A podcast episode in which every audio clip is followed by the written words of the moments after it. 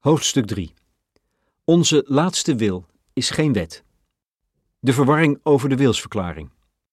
Meer dan een half miljoen Nederlanders hebben een euthanasieverklaring. Het opstellen van zo'n één na laatste wil is even eenvoudig als trouwen in Las Vegas. Het verschil moet zijn dat je van euthanasie geen spijt krijgt. Hoe het werkt? Je trekt een gratis voorbeeldtekst van de website van De Einder. De stichting die je met raad en consulenten bijstaat als je humaan en onder eigen regie besluit te sterven. Of je wordt lid van de NVVE en laat je voor een tientje een set formulieren met conceptteksten sturen. Je vult in wanneer het leven voor jou niet langer leefbaar is. Hoe persoonlijker je wens, hoe beter. Met copy-paste kwam je vroeger ook een heel eind, maar de NVVE raadt dat tegenwoordig af. Artsen moeten je sterfwens kunnen invoelen en zullen zich eerder in jouw verlangen naar de dood kunnen verplaatsen als je verhaal authentiek overkomt. Je vinkt de dementieclausule aan. Als je naar een verpleeghuis moet of je je kinderen niet meer herkent, mag de dokter komen met een spuitje. Tijdens een extra lang consult, geen 10 maar 20 minuten, bespreek je je wensen met je huisarts. Wat ongemakkelijk en gegeneerd, alsof je voor een SOA-test of een Viagra-recept komt. Je ondertekent je wilsverklaring, naam, datum, handtekening. Je huisarts tekent voor gezien, ze legt het document onder een scanner en voegt het toe aan je elektronische patiëntendossier. Klaar. Als je naïef genoeg bent, neem je nu aan dat je euthanasie geregeld is. En zul je dus nooit weten dat je wilsverklaring in een la verdween toen de glazen deur in het slot viel en jij in het verpleeghuis werd achtergelaten. Dit is het eerste probleem van de euthanasiewet: verwarring over de houdbaarheid van de wilsverklaring. Hoe is dat zo gekomen? De euthanasiewet is een prachtwet. Zeer geschikt voor 80% van alle verzoeken om een zachte, pijnloze dood. Volgens de evaluaties die elke vijf jaar worden gehouden, functioneert de wet vrijwel vlekkeloos. In elk geval voor terminale kankerpatiënten, mensen met de dodelijke spierziekte ALS of met Parkinson. Sinds de wet van kracht werd, zijn artsen bijna elk jaar meer euthanasiegevallen gaan melden. Het aantal neemt toe van 1815 in 2003 tot 6585 in 2017. Het jaar daarop nam het voor het eerst af tot 6126. Waarom komt verderop aan de orde. In de eerste jaren van de wet nam het aantal meldingen toe omdat artsen uitkwamen voor wat ze voorheen in het verborgene deden. Eerst zochten ze nog schoorvoetend de openheid, maar toen de wet artsen inderdaad bleek te beschermen tegen justitie, deden ze het allengs onbezorgder. Dat stiekeme gedoe van artsen was eigenlijk al niet meer nodig sinds het Schoonheim-arrest van 1984.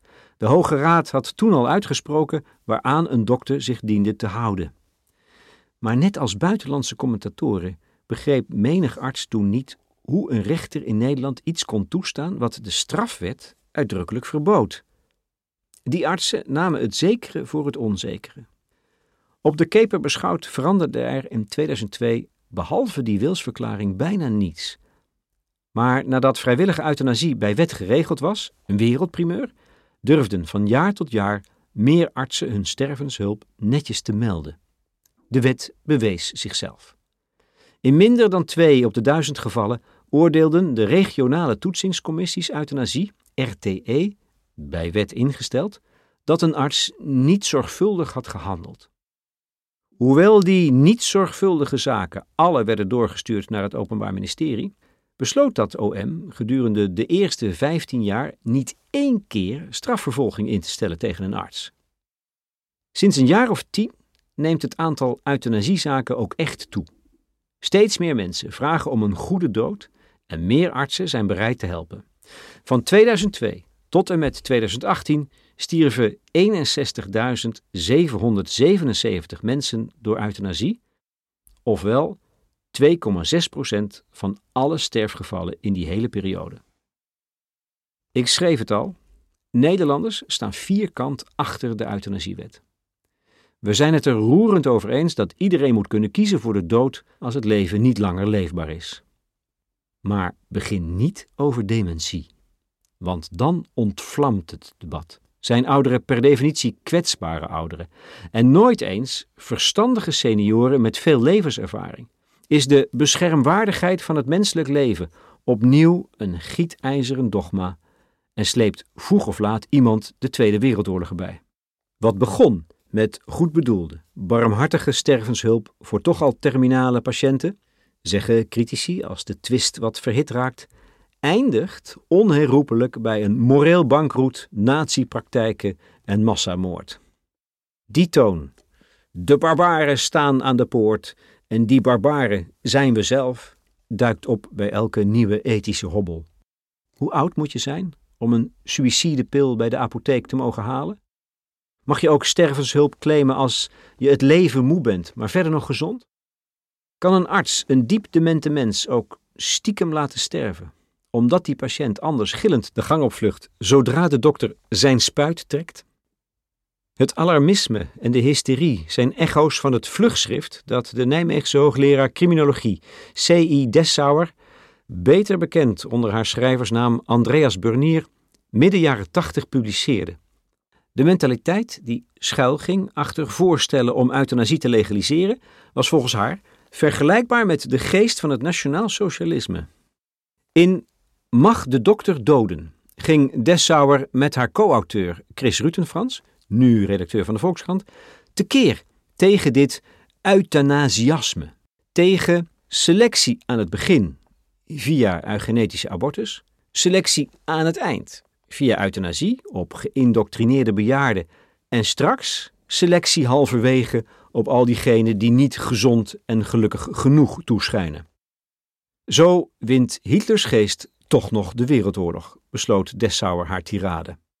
De angst voor het hellend vlak, de vrees dat het verder oprekken van de wet rechtstreeks naar de morele afgrond leidt, is vooral zo opmerkelijk omdat, als het over dementie gaat, niemand de wet wil uitbreiden.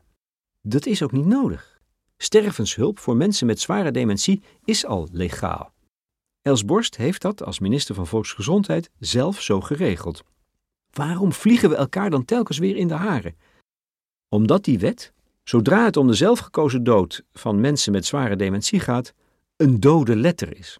Holle woorden, loze beloften, niets dan misverstanden. Het tv-programma Zembla laat begin 2013 zien wat ouderen verwachten van hun levenseinde. Zij naar een verpleeghuis als ze dement worden? Wel nee. Wat dan wel? Dan komt dokter met een spuitje. Ze geloven dat hun wilsverklaring een zachte dood garandeert. Hun blijmoedige dan komt dokter zou vertederend zijn als het niet zo beschamend was. Want als ze naar een verpleeghuis moeten, verschijnt er niemand met een tas vol euthanatica aan hun bed. Eigenlijk is dat gek. Toen zij in 1999 het voorstel voor de euthanasiewet indiende, vond Els Borst dat ook mensen met dementie een uitweg uit hun lijden moesten hebben. Zelfs in een later stadium van hun aftakeling. Ze vond dat niet meer dan rechtvaardig. En de rest van het progressief-liberale kabinet Kok II was het daarmee eens. Volgens het kabinet sloot het streven van Els Borst prettig aan bij de vijf jaar eerder van kracht geworden wet over de rechten en plichten van patiënten. Die Wet op de Geneeskundige Behandelingsovereenkomst, WGBO, regelt dat een arts haar patiënt moet vertellen hoe die ervoor staat en wat zijn prognose is. Ook mag een patiënt volgens de WGBO elk medisch ingrijpen weigeren, zelfs als dat hem zijn leven kost.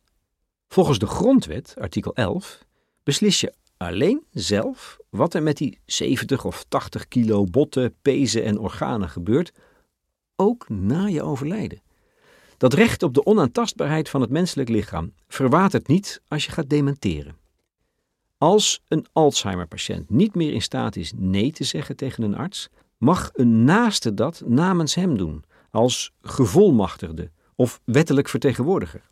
Geen zondevoeding meer, geen antibiotica bij een longontsteking, geen insuline voor een patiënt met suikerziekte in vrijwel alle gevallen zal die patiënt dan snel overlijden.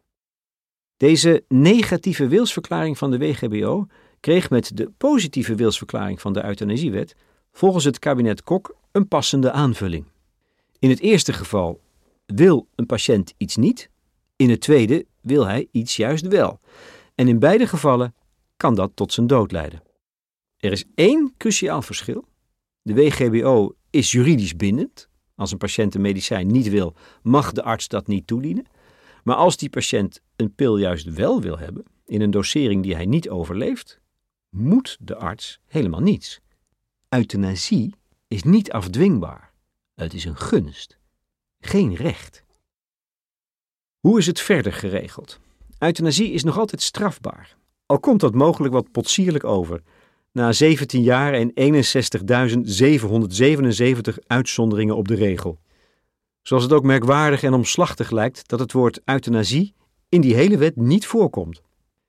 De euthanasiewet is een soort addendum bij het wetboek van strafrecht. Daarin liggen sinds 1886 de twee delicten vast die bij stervenshulp in het geding kunnen zijn: doden op verzoek, artikel 293, en hulp bij zelfdoding, artikel 294. Op het eerste misdrijf staat maximaal 12 jaar gevangenisstraf, op het tweede 3 jaar. De euthanasiewet biedt een uitweg voor artsen. Als zij bij stervenshulp zorgvuldig te werk gaan, worden ze niet vervolgd. Een arts moet dan onder meer nagaan of een euthanasieverzoek wel overwogen en vrijwillig is, en dus niet ingefluisterd door ongeduldige erfgenamen. Ze moeten van overtuigd zijn dat een patiënt ondraaglijk en uitzichtloos lijdt, want anders moet een arts het leven beschermen. En er mag geen redelijke andere oplossing zijn, een medicijn dat het leed weer draaglijk maakt. Een arts mag dus niet louter op haar eigen indruk, intuïtie of mededogen afgaan. Ze mag niet blind varen op het hartverscheurende verzoek van de familie. Als een patiënt de dokter niet zelf heeft verzocht hem te laten sterven, noemen we het moord. Artikel 289. En daarop staat maximaal levenslang. En dementie? Wie zich afvraagt waarom de euthanasiewet nauwelijks lijkt te functioneren bij dementie, struikelt meteen al over die zorgvuldigheidseisen. Simpel gezegd, dat deel van de wet past niet. Er valt niets mee te beginnen. Een verdoolde, diepdemente en wils onbekwame mens kan niet meer wel overwogen voor euthanasie kiezen. Een arts kan hem niet meer uitleggen dat hij doodgaat van dat spuitje. Hij weet niet wat dood is en verwart de arts mogelijk met zijn 60 jaar terug overleden grootmoeder. En vrijwillig. Die patiënt met vergevorderde dementie heeft geen wil meer, laat staan een vrije wil, en kan dus niet vrijwillig om de dood vragen. Precies om die reden zegt de euthanasiewet, artikel 2, lid 2, dat een schriftelijke wilsverklaring in de plaats kan komen van een mondeling verzoek, mits de patiënt zijn één na laatste wil op papier zette toen hij nog helder en wilsbekwaam was. En die andere eisen? Moet een arts bijvoorbeeld nog steeds kunnen invoelen hoe ondraaglijk het lijden is van een patiënt met dementie, die het leven in een verpleeghuis best prettig lijkt te vinden? Die andere criteria, zegt de wet, zijn bij een wilsverklaring van overeenkomstige toepassing. Twintig jaar lang al maakt een treurig en doofstom debat over de betekenis van één woord een fars van de euthanasiewet. Eén woord, zes lettergrepen, vijftien letters en achttien kwaadwillige synoniemen. Van overeenkomstige toepassing is een ondergrondelijke formulering, raadseltaal, in elk geval voor leken. De woordkeuze is zo ambigu dat die zinsnede juist daarom in de wet leek te zijn opgenomen. Een behendige tekst, glad als paling in een boerensloot. Zo listig dat je er als politicus alle kanten mee op kunt. Het politieke jargon van onderhandelaars, die er hoe dan ook uit moeten komen, en teksten bedenken waarin elk verschil van mening oplost. Kool en geit, kerk en midden, het Hollandse poldercompromis. Maar dat was het niet. Toen hij zijn amendement indiende, voorzag D66-Kamerlid Boris Dietrich, een partijgenoot van Elsborst, vast niet dat we tot op de huidige dag zouden bakkeleien over de betekenis van dat overeenkomstig. Het duizend dingen doekje van de politieke tekstschrijver. Dietrich kon dat niet bevroeden, denk ik, dat zijn tekst het debat over de goede dood zo zou verlammen. Wat betekende die zinsnede eigenlijk? Wat hield dat overeenkomstig in? Zoek het op in de dikke vandalen en geheid krijg je betekenissen terug die elkaar uitsluiten. Blader in een puzzelwoordenboek en je vindt synoniemen als gelijk, maar ook vergelijkbaar, Wat wil zeggen dat iets misschien sterke overeenkomsten vertoont met iets anders, maar beslist niet identiek is, juist niet gelijk. Wat doet dat met de euthanasiewet? Het amendement van Dietrich moest markeren dat een schriftelijke wilsverklaring, as such, geen garantie was voor een goede dood. Geen ongeclausuleerde vrijbrief. Geen kluisdocument waarmee je op een dag zonder veel gedoe veilig naar de overkant kon komen. De wilsverklaring kwam in plaats van een mondeling verzoek en kon dus net zo vrijwillig en wel overwogen zijn. Maar wat betekende dat voor de andere vijf zorgvuldigheidseisen? Moest de arts er precies zo van overtuigd zijn dat haar patiënt ondraaglijk leed? Dat zou toch nooit kunnen? Artikel 2, lid 2, ondergraaft zichzelf als je dat overeenkomstig uitlegt als net zo. Het wetsartikel lijkt op een spijker waaraan je iets wilt ophangen. Zodra je er die ene klap op geeft, stort het hele huis in. Zo kon het toch niet bedoeld zijn? Wel nee. Je kon dat overeenkomstig ook lezen als verwant of analoog. Dat suggereert dat die andere zorgvuldigheidseisen bij dementie op ongeveer dezelfde manier van toepassing zijn. Zoals het past, zo goed en zo kwaad als het gaat. Of, zoals Kamerlid Dietrich toelichtte bij de behandeling van zijn amendement, overeenkomstig moest worden begrepen als zoveel als feitelijk mogelijk is in de gegeven situatie. Toch durft in de eerste tien jaar van de euthanasiewet vrijwel geen enkele arts euthanasie te verlenen aan diepdemente patiënten. Pas in 2011 wordt het eerste geval gemeld. De euthanasie van Wil van Gelder, een 64-jarige vrouw met Alzheimer. NRC Handelsblad publiceert het verhaal De vrouw die niet meer wist dat ze dood wilde, dat door velen als schokkend wordt ervaren. De naam van de vrouw wordt algemeen bekend omdat haar man een boek publiceert, Wils Verklaring, waarvoor Els Borst een inleiding schrijft. Twee jaar later, na de commotie die ontstaat door de uitzending van Zembla, belooft minister Edith Schippers, VVD Volksgezondheid, iets te doen aan de verwarring onder ouderen. Een ambtelijke werkgroep pluist de parlementaire geschiedenis na, duikt in de jurisprudentie van de toetsingscommissie, benoemt knelpunten, organiseert een expert meeting. En kan een goed jaar later minister Schippers nog altijd niet uitleggen hoe dat overeenkomstig gelezen dient te worden. Er is ruimte voor verdere interpretatie, schrijft Schippers aan de Tweede Kamer. Nog eens anderhalf jaar later, vlak voor kerst 2015, stuurt Schippers een handreiking rond die de kwestie moet ophelderen. Wanneer kan een diepdemente mens stervenshulp krijgen? De werkgroep, met ambtenaren van Volksgezondheid en Justitie en vertegenwoordigers van de artsenfederatie KNMG, heeft niet één, maar twee brochures gemaakt: één voor artsen, één voor burgers. Burgers lezen dat euthanasie bij dementie mogelijk is als je aan bijkomende lichamelijke aandoeningen lijdt, zoals ernstige benauwdheid of pijn. In de brochure voor zorgprofessionals lezen artsen dat ook angst, agressie of onrust kunnen bijdragen aan ondraaglijk lijden. Dat is nogal een verschil, schrijf ik in een opiniestuk in de Volkskrant. Als ik erop kan vertrouwen dat de dokter helpt wanneer ik panisch word, dat hij me de angst zal besparen, wil ik dat fysieke aftakelen wel meemaken. Maar waarom lees ik dat niet in de brochure die voor mij bestemd is? Nadat de fout kort na de jaarwisseling is hersteld, blijkt dat je ook met die handreikingen nog alle kanten op kunt. Ook als de zorgvuldigheidseisen bij een schriftelijke wilsverklaring niet precies zo van toepassing zijn, kun je de vraag stellen of dat dan voor alle zorgvuldigheidseisen van de euthanasiewet geldt, of maar voor enkele, en voor welke dan. De handreiking van Schippers is even troebel als de zinsnede die ze wilde ophelderen. Geen touw aan vast te knopen. Toch concludeert de NVVE dat euthanasie bij dementie weer een stapje dichterbij is gekomen. De Volkskrant kopt: Ernstig demente kan eerder euthanasie krijgen. Het Tweede Kamerlid Carla Dick Faber van de ChristenUnie twittert: Vanaf nu dus ook euthanasie als iemand niet dood wil. En artsenfederatie KNMG? Die vond altijd al dat euthanasie uitsluitend mogelijk is als een patiënt op het laatst zijn doodswens kan bevestigen. Daarmee is de KNMG-richtlijn strikter dan de wet. En nu stelt de artsenorganisatie vast dat er met de ambtelijke werkgroep eigenlijk niets is veranderd. Met de euthanasiewet wilde Els Borst niet alleen artsen, maar ook mensen met dementie meer rechtszekerheid geven. Dat was rechtvaardig, vond het kabinet. Een godspe, achteraf. De wet biedt de zekerheid dat een diepdemente mens geen euthanasie krijgt als hij geen wilsverklaring heeft en garandeert dat je die ook niet krijgt met.